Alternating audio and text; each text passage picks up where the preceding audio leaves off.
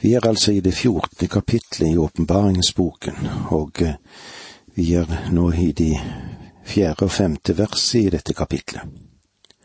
Og la oss lese det sammen.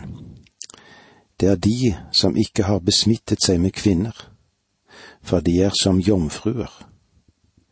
Det er de som følger lammet hvor det så går.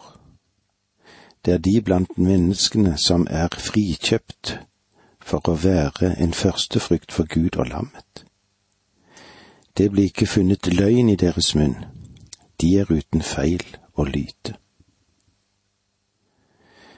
Det er de som ikke har besmittet seg med kvinner, for de er som jomfruer. Da vi var samlet sist, så var vi innom noe som Jeremia hadde sagt, og hvordan han hadde fått budskapet. Jesus nevnte òg at de som ville være mødre under den store trengsel, slik som vi ser det i Matteus 24, 19, han sa det på denne måten. Stakkars dem som venter barn og dem som gir bryst i de dager. Du og jeg, vi lever i en tid der ekteskapet tross alt er en respektert stand, og så oppmuntres det til ekteskap og eh, dette skal vi legge oss på minne. Men vi skal òg se litt på Guds appell som han hadde til Noah. Han ba Noah og sin etterfølge oppfylle jorden, og dette er et skriftavsnitt som ikke vi må presse for sterkt når befolkningsøkningen er så enorm. Ja, den er så enorm at vi som kristne kan vel se i dette perspektivet at tiden til avslutning det nærmer seg. Under den store trengsel vil det ligge meget sterkt vekt på sex, og eh, en konsekvens vil være at umoralen den florerer. De 144 000 vil ha blitt bevart fra synden under den store trengsel. Hvis vi nå ser på hor i åndelig mening, så ble avgudsdyrkelse i Det gamle testamentet klassifisert som åndelig hor. Det klassiske eksempelet møter vi i Esekiel 16, der vi ser Guds alvorlige anklage mot Israel for utukt og hor, som var avgudsdyrkelse. De 144 000 vil heller ikke ha tilbedt dyret, og bilder av dyret under trengselen. På den bakgrunn kan kommentarene være som så. Det er de som ikke har smittet seg med kvinner, for de er jomfruer. Det vil også henvise til kyskhet og renhet både bokstavelig og i åndelig forstand. Og eh, dette er rimelig å anta. Første frykt for Gud og lammet, det har en klar henvisning til Israel. I Romerbrevet 11, 15 og 16 leser vi slik. Er det blitt til forsoning for verden at de ble forkastet? Hva må det ikke føre til at de blir godtatt. Jo, liv av død. Er det første brød hellig, er hele deigen hellig. Er roten hellig, er grenene det også. Så Israel ble beskrevet som den første frykten, eller det første brødet, og i særlig grad de 144 000. Jeg tror at de kommer til å ha en unik plass under tusenårsriket. Det er ikke utenkelig at de vil være en fortropp sammen med lammet når de vender tilbake for å opprette sitt rike, som vi vil se i kapittel 19. Det ble ikke funnet løgn i deres munn. Det betyr at de ikke istemte de store løgner dyret spredte da han løy om sine undergjerninger. De falt ikke for disse løgnene. Husk at Jesus sa at det vil være mulig å forføre de utvalgte. Ja, de kunne bli forført, men de ville ikke. De er uten feil å lyte. De er uten feil å lyte fordi de er blitt renset gjennom den store trengselen, er det ikke slik? De er uten lyte fordi de er kledd i Kristi rettferdighet, og det er slik jeg også vil komme inn i himmelen. Jeg kommer ikke dit fordi jeg tror at jeg er god, for det vet jeg at jeg ikke er. Og slik er det sikkert med deg òg. Nei, blir vi frelst, så blir vi frelst av Guds nåde. Når vi nå går videre, så vil vi se på proklamasjonen av det evige evangeliet. Versen seks og syv. Jeg så enda en engel som fløy høyt oppe under himmelhvelvet. Han hadde et evig evangelium å forkynne for dem som bor på jorden, for alle nasjoner og stammer, tungemål og folk. Og han ropte med høy røst, Frykt Gud og gi ham æren, for nå er timen kommet da han skal holde dom. Tilbe ham som skapte himmel og jord, hav og kilder. Enda en engel. Det markerer enda en radikal forandring i Guds måte å kommunisere med jorden på. Denne engelen var den første av en serie av seks andre engler som blir nevnt i versen 8, 9, 15, 17 og 18. Under denne tidsalder er evangeliet overlatt til mennesket, og de alene er budbærere for det. Englene ville nok ha likt å forkynt evangeliet, men de har jo ingen tillatelse til det. Ved begynnelsen av trengselsperioden er mennesket Guds budbærere, noe de 144 000 forteller oss. Selv de to vitnene med overnaturlig kraft kunne ikke stå seg imot Satan, men ble fjernet fra Satans herresete på jorden. Engler like så vel som mennesker var budbærere i Det gamle testamentet. Ordet talt ved engler står fast, som det står i Hebrevbrevet 2.2. Forholdene, de er så intense under den store trengsel så bare engler kan formidle Guds budskap gjennom verden. Engler er uovervinnelige. Fløy høyt oppe under himmelhvelvet det taler om en verdensvid kommunikasjon. Som med fjernsynet så vil denne engelens signaler rekke rundt den ganske jord. Et evig evangelium. Det er naturlig at vi spør, hvordan kan det ha seg at dette evangeliet forkynnes, siden ordet evangelium betyr gode nyheter? Bringer denne engelen gode nyheter? Ja, det er gode nyheter for dem som er et Guds barn. Men det er dårlige nyheter for de som ikke vil tro. Frykt Gud. Frykt Gud er budskapet i dette evige evangelium. Det er et budskap, dette. Ordspråkenes forfatter skrev at å frykte Herren er begynnelsen til visdom og denne engelen sier faktisk til Guds folk, Bli vise, for dere trenger sannelig å frykte Gud. Gud frelste dere ved sin nåde, men han skal dømme denne jord. Det er Guds siste kall før Kristus vender tilbake i dom. Forkynnelsen av dom over Babylon er det vi går inn i nå. I dette kapitlet løfter Gud fram for oss også det som vil senere opptre i åpenbaringsboken. Men han gir oss noen ekstra biter av det program som, kom, som han kommer til å følge. Vers åtte. Deretter fulgte en annen engel og ropte, Falt, falt er Babylon den store, hun som i sitt horeliv har skjendet vin til alle folkeslag en vredens vin. Babylon er på mange måter det stedet der avgudsdyrkelsen begynte. Semiramis var hustru til Nimrod.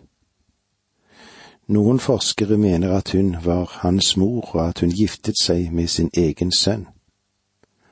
Hun var dronning i Babel, som senere ble Babylon og han diktet opp en merkverdig historie, som var begynnelsen til et helt avgudssystem.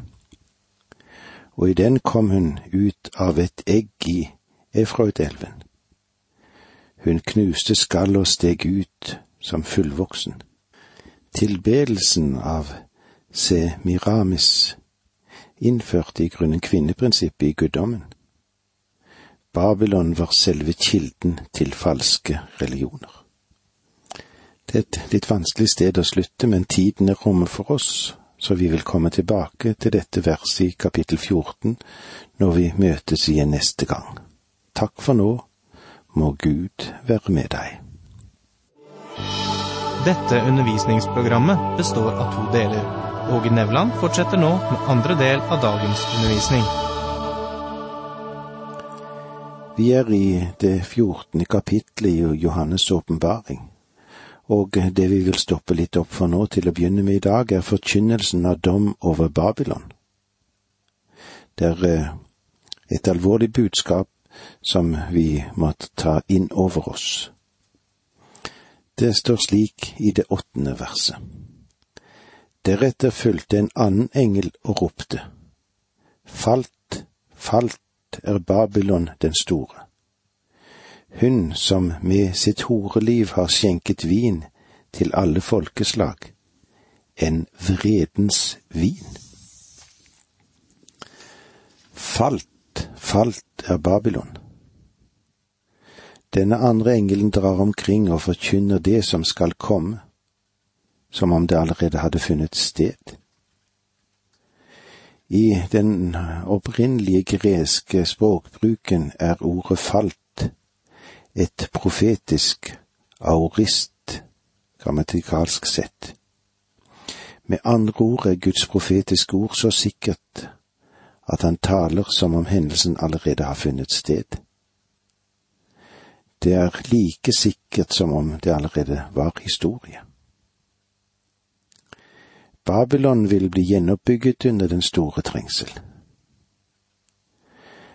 Jeg vet ikke om du var med når dette ble beskrevet da vi gjennomgikk Jesaja i det trettende kapitlet der. Jeg tror at det gamle Babylon vil bli gjenoppbygget selv om det ikke skjer på samme sted, og at den dom som forkynnes over Babylon hos profeten Jesaja, ennå ikke er oppfylt. Avgudsdyrkelsen i Babylon er en beruselse som vil gripe hele verden. Og når vi ser hvordan det eksperimenteres med Satans dyrkelse, eksorsisme, ja, de forskjellige kulter i dag, så skal vi ikke undre oss over at en hel verden vil komme på avveier. Legg merke til hva Det gamle testamentets profeter har sagt om dette. Jeremia 51, 7. Babel var et gullbeger i Herrens hånd, og gjorde hele verden drukken. Folkeslagene drakk av vinen, derfor oppførte de, de seg som gale? Om du hadde mulighet til å tre tilbake og se denne verden på avstand, tror jeg at du ville bli skuffet over menneskeslekten som en helhet, ja, og verdensnasjoner. Og eh, hos profeten Jesaja leser vi i det trettende kapitlet vers elleve.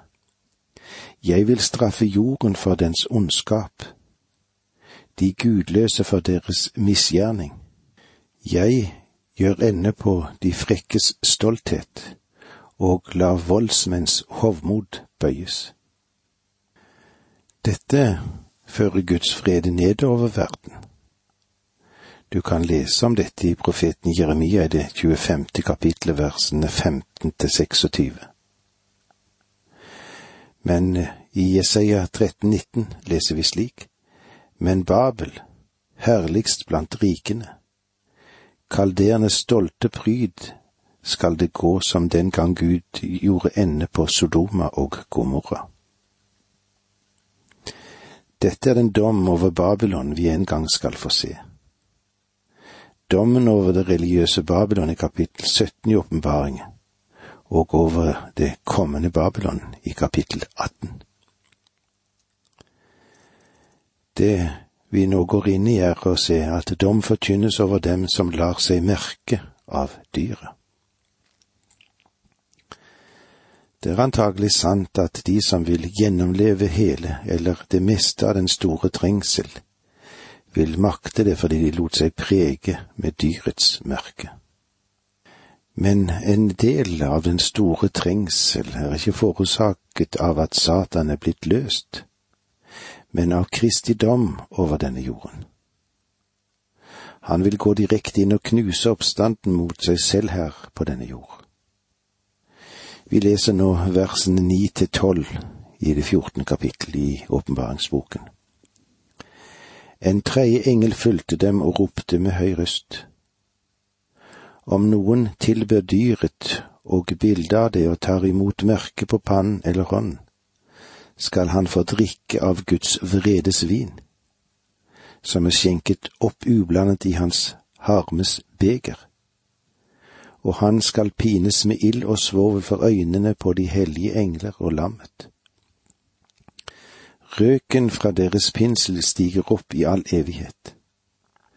Hverken natt eller dag får de ro de som tilber dyret og bildet av det og tar dets navn til merke. Her gjelder det at de hellige står fast, de som holder seg til Guds bud og troen på Jesus. Han taler her om en gruppe som holder Guds bud, Det gamle testamentets lov. De bringer til og med offer under den store trengsel, og til og med også i tusenårsriket blir vi fortalt. Disse versene gjør det tindrende klart at ingen kan innta en nøytral stilling under denne intense perioden under dyret. Også i dag ser vi for eksempel kristne næringsdrivende som kapitulerer for den gjengse etikk. I eh, kapittel 13 så vi det forferdelige alternativet ved å nekte å la seg merke av dyrets tegn. Det betydde sultkatastrofe. Men på en annen side skjer det at mennesket som blir merket, fører nedover seg Guds vrede. Han skal få drikke av Guds vredes vin. Det er et bilde, dette, som stammer fra Det gamle testamentet. I Salme 75,9 leser vi slik. Herren har i sin hånd et beger med skummende krydret vin. Han skjenker i av vinen, og alle de onde på jorden må drikke. Selv bunnfallet må de tømme. Profeten i Det gamle testamentet fant, fanget opp dette temaet. De så Guds vredes kalk fylles til randen. Gud var tålmodig og lot mennesket fortsette, ja, stadig fortsette i sin synd. Men når vredens kalk var fylt, ville Gud presse den til det gudløses samfunns lepper. Opprørske mennesker bygget dette opp inntil dommen måtte bryte frem pines med ild og svovel. La meg få si at om dette ikke er bokstavelig talt er ild og svovel, så må det være mye verre enn ild og svovel. Om det er et symbol, så husk at et symbol brukes for å gi en anelse om det virkelige. Det er selve essensen av noe, dette. Et symbol er en essens eller en svak etterligning av det virkelige. Og eh, realitetene, ja, de kan være mye verre enn det symbolet antyder. Men husk at ild og svovel over Sodoma og Gomorra, de var svært så virkelige. Det er et faktum du burde elte inn i ditt eget sinn om du vil fornekte at det finnes et helvete. Legg merke til i dette verset at helvete er synlig for Kristus og de hellige engler. Det sies ikke her at de er synlige for de 24 eldste. Skal vi trekke slutningen av det at menigheten ikke vet hva som finner sted på jorden? Jeg er tilbøyet til å mene at menigheten ikke vil se det som finner sted på jorden under den store trengsel. Men Kristus, og hans hellige engler de kommer sannelig til å se det. Alt det Guds barn kan gjøre i denne perioden, er å være tålmodig og vente på Kristi komme. Og eh, Herren selv sa det slik i Matteus 24, 13. Den som holder ut inntil enden, han skal bli frelst. Hvordan vil han kunne holde ut? Han vil holde ut fordi han er beseglet ved Guds ånd. Han er kledd i Kristi rettferdighet. Han overvinner ved lammets blod. Herren sa det slik i Lukas 21, 19. Holde dere ut, skal dere nå fram til livet. Alt det de kan gjøre er å vente gjennom stormen. Det er det de vil makte under den store trengsel. Vi leser igjen versene ni til tolv. En tredje engel fulgte dem og ropte med høy røst. Om noen tilber dyr og bildet av det og tar imot merke på panne eller hånd, skal han få drikke av Guds vredes vin, som er skjenket opp ublandet i hans harmes beger. Og han skal pines med ild og svovel for øynene på de hellige engler og lam. Røken fra deres pinsel stiger opp i all evighet. Hverken natt eller dag får de ro. De som tilber dyr og bilde av det og tar dets navn til merke. Her gjelder det at de hellige står fast.